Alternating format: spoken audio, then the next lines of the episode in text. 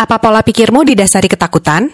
Kalau kamu melihat dunia sebagai tempat yang berbahaya, penuh dengan jebakan dan ancaman, dan kamu bersembunyi dari dunia atau malah bereaksi dengan defensif untuk melindungi dirimu, ini tandanya kamu berada di tingkat ketakutan.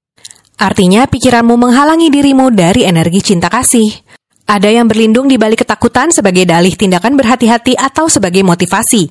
Tetapi yang sebenarnya terjadi adalah dia membatasi dirinya dari kebahagiaan karena ia terfokus pada apa yang ada di masa lalu, baik pengetahuan atau pengalaman, berusaha mengendalikan situasi, dan memaksakan diri supaya hal itu tidak terjadi.